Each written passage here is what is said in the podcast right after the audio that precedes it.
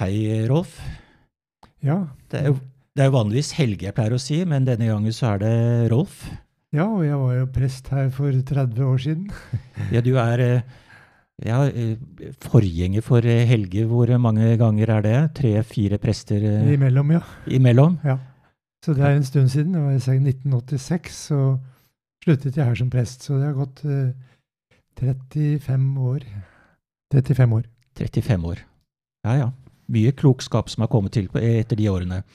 Ja, det har vært interessante tider i å leve både innenfor Se fra kirken innenfor og ut, og, og se kirkelig arbeid utenfra inn. Det vet jeg. Eh, vi skal få glede av og, og hjelp av deg til å prøve å forstå disse tekstene. Vi er kommet til aposteldagen, som det heter.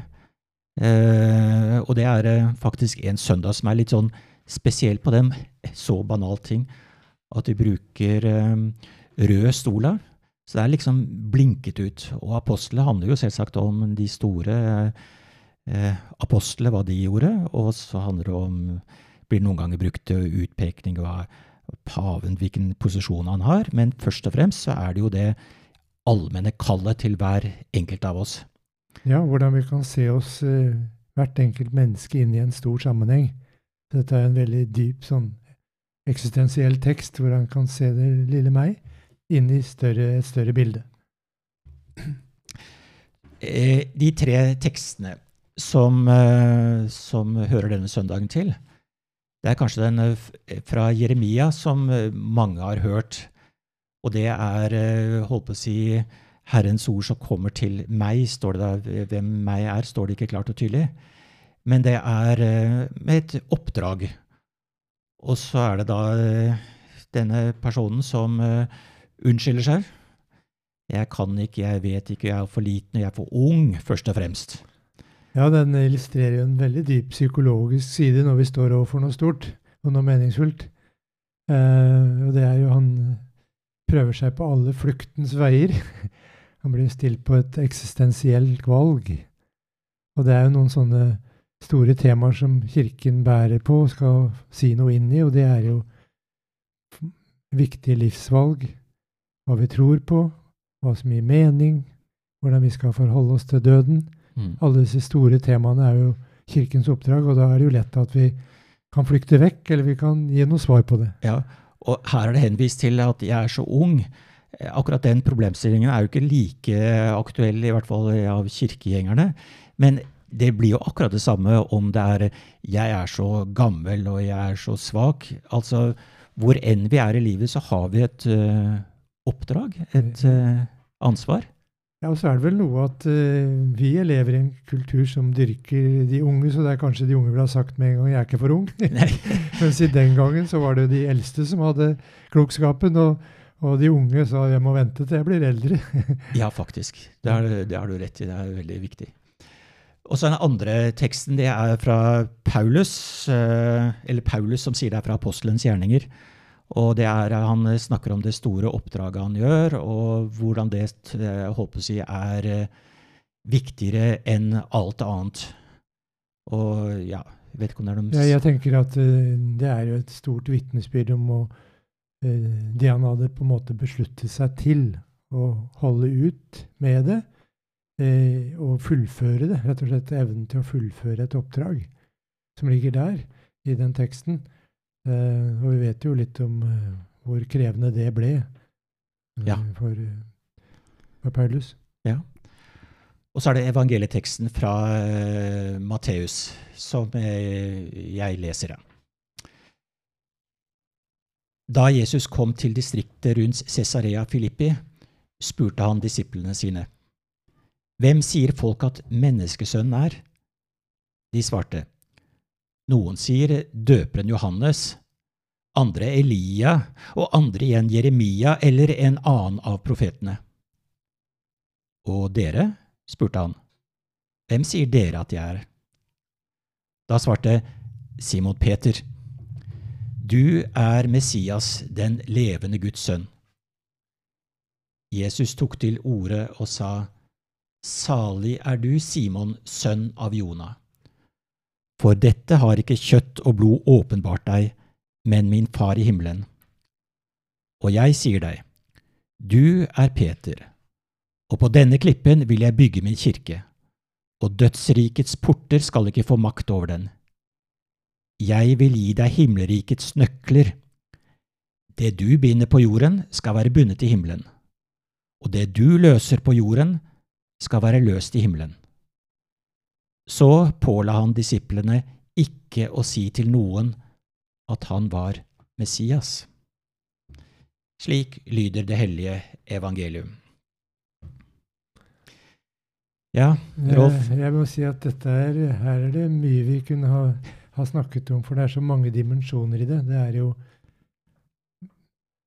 Peter som møter Herren Jesus Kristus og, og kaster seg på med sin spontanitet. Slik som han viser flere ganger. Dette, dette, er så viktig at dette vil jeg være med på. Ja, det står jo at Jesus spør disiplene, mens igjen så er det Peter, Peter som svarer. Kaster seg utpå. Og så må eh, Herren gjøre noe med Peter, den spontane personen som kaster seg på denne bølgen. Av, eh, sikkert av rykter og popularitet rundt Jesus. Og måtte jordfeste han. Ja. Altså, han hadde jo han, Det er ikke Ibsen som sier en gang 'Jeg blir med på ferden og roper til alle verden'. Ja. altså, jeg blir med på denne bølgen, og jeg sier ja, det er noe viktig, det som Jesus formidler. Og så sier Jesus til han at det er ikke nok, det, jeg må jordfeste det til at du står for dette. Jeg må gi deg en klar identitet. Så stiller han på valgets identitet. Og da, da begynner han å bekjenne hvem Jesus var. Mm. Ja, det er jo en fantastisk altså han, han taler nesten over seg. og det er jo fascinerende i disse tekstene her at han sier jo mer enn det som han klarer å finne på selv. Eh, det er noe som kommer til han som er sterkere enn bare ord. Og, det, og dette er fullt av i Bibelen. Vi har altså enkle ord, vi har taltord, og vi har Guds ord. Ja. Her er det noe, sånn, her er det noe type åpenbaring i den teksten. Jeg lurer på om det ikke er sånn at nesten enhver bekjennelse av troen er Misforstå meg rett, for å si det sånn det er en eh, overskridende tale, og ja. noe som vi ikke er i stand til. Altså at når vi bekjenner troen, så er det mer enn man klarer å beskrive av hva jeg tror, men at det er å knytte an til en sammenheng. Mm. Og det blir jo noe så stort, ikke å knytte an til at jeg faktisk kan være i dialog med Gud. Ja. Det er jo en, det unike i kristendommen, en dialog at vi er, et, er også et personlig forhold. Mm. Hvor det dreier seg om bekjennelse og en, og en, identitet rundt at jeg står for dette. Ja. Men jeg har en assosiasjon til dette knytta til det sånn banale klokkereklame som jeg så for noen år siden. Som uh, fin sveitsisk ur. Jeg aner ikke hva, jeg husker ikke hva den heter. Men det var liksom du, du, eier den ikke, du tar bare vare på den til neste generasjon. Mm. Og understreket at det er noen ting du har som ikke du uh, ikke er av deg selv, men du liksom tar vare på det. Og, og jeg tenker i, i, mye høyere grad, og enda viktigere, er det når det gjelder jeg nesten holdt på å si alt språk, men enda mer troens språk mm. og troens og bekjennelse.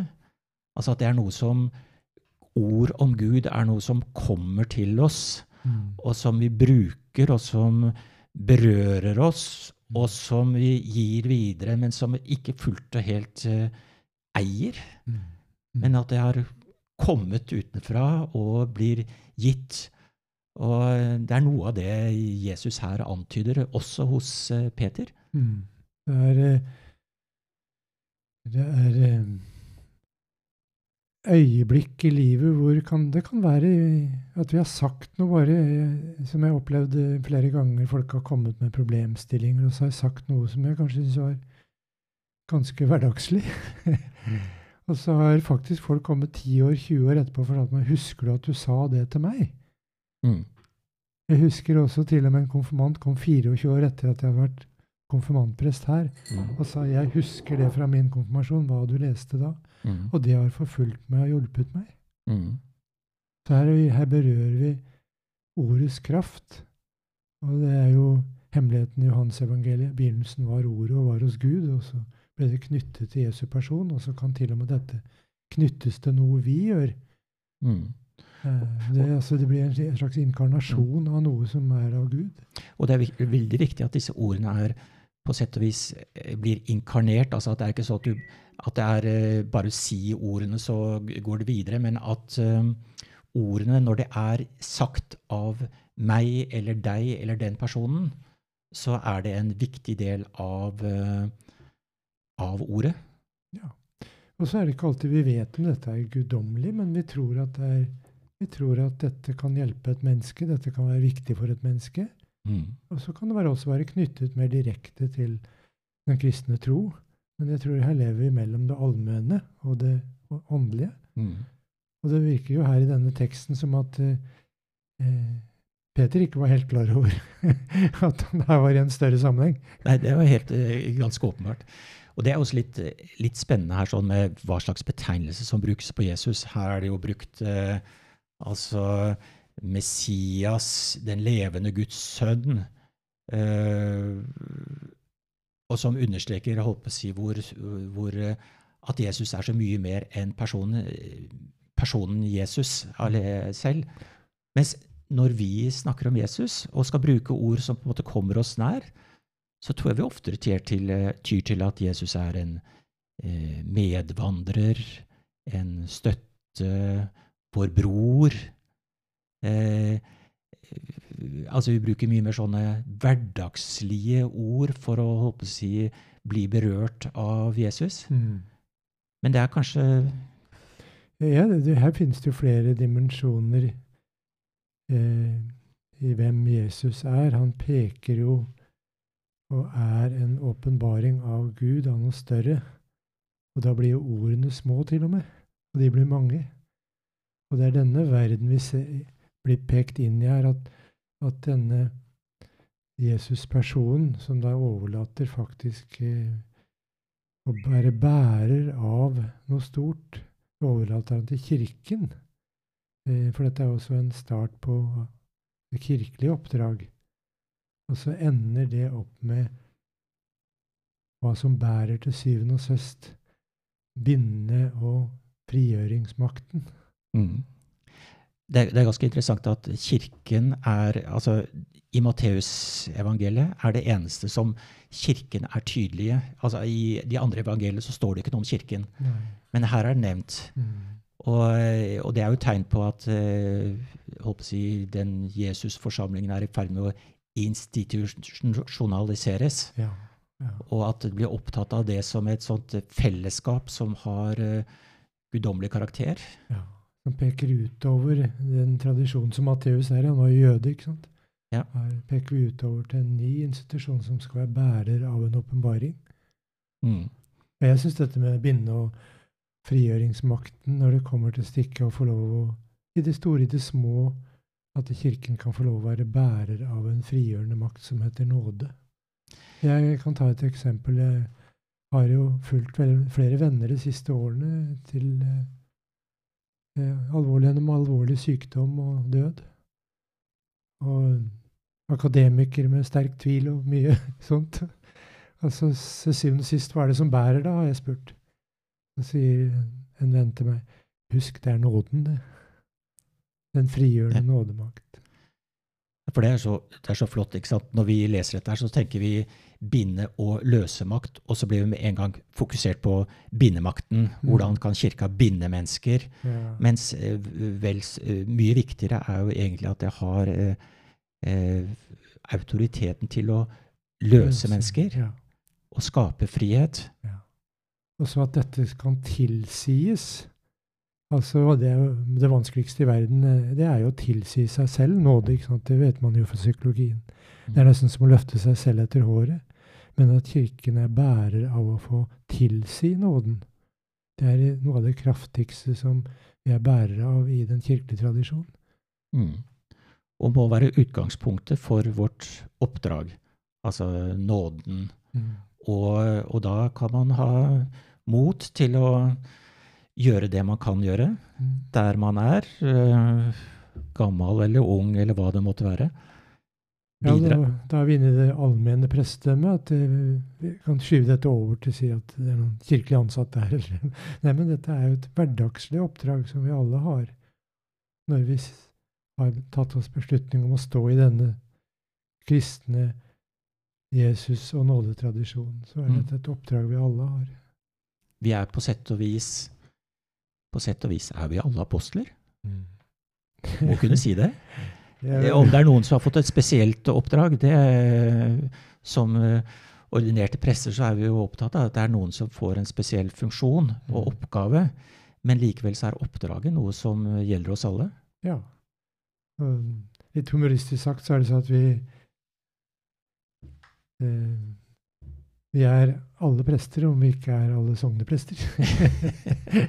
og, og det betyr å kunne se at det lille vi prøver å gjøre, uttrykk og intensjoner om i livet, og legge det i Guds hånd, så blir det velsignelse ut av det. Dette med at alt i livet vårt som er lagt i Guds hender, blir det velsignelse ut av. Eh, og da kan vi bevege oss fra det vi kaller i Bibelen tomt snakk, til at plutselig ord vi sier, som er lagt i Guds hånd, de kan også bli et, et, et velsignet Guds ord. Ja. Og da beveger vi oss fra I Bibelen er jo veldig mange fine nyanser på dette. Det, er fra det mest sånn skravl det kalles la leo i Bibelen, eller gi lyd. Men så er det også brukt et annet begrep i Bibelen som heter rema. Det betyr det velsignede Guds ordet. At det var noe i av det vi sa, som ble velsignet. Og Mm. ble til et gudsgitt ord. De, Og de, de, ord. Ja. de ordene som endrer og skaper noe, Ja. istedenfor alle de ordene som bare fyller tiden. ja. Skaper, beveger og blir igjen som verdier.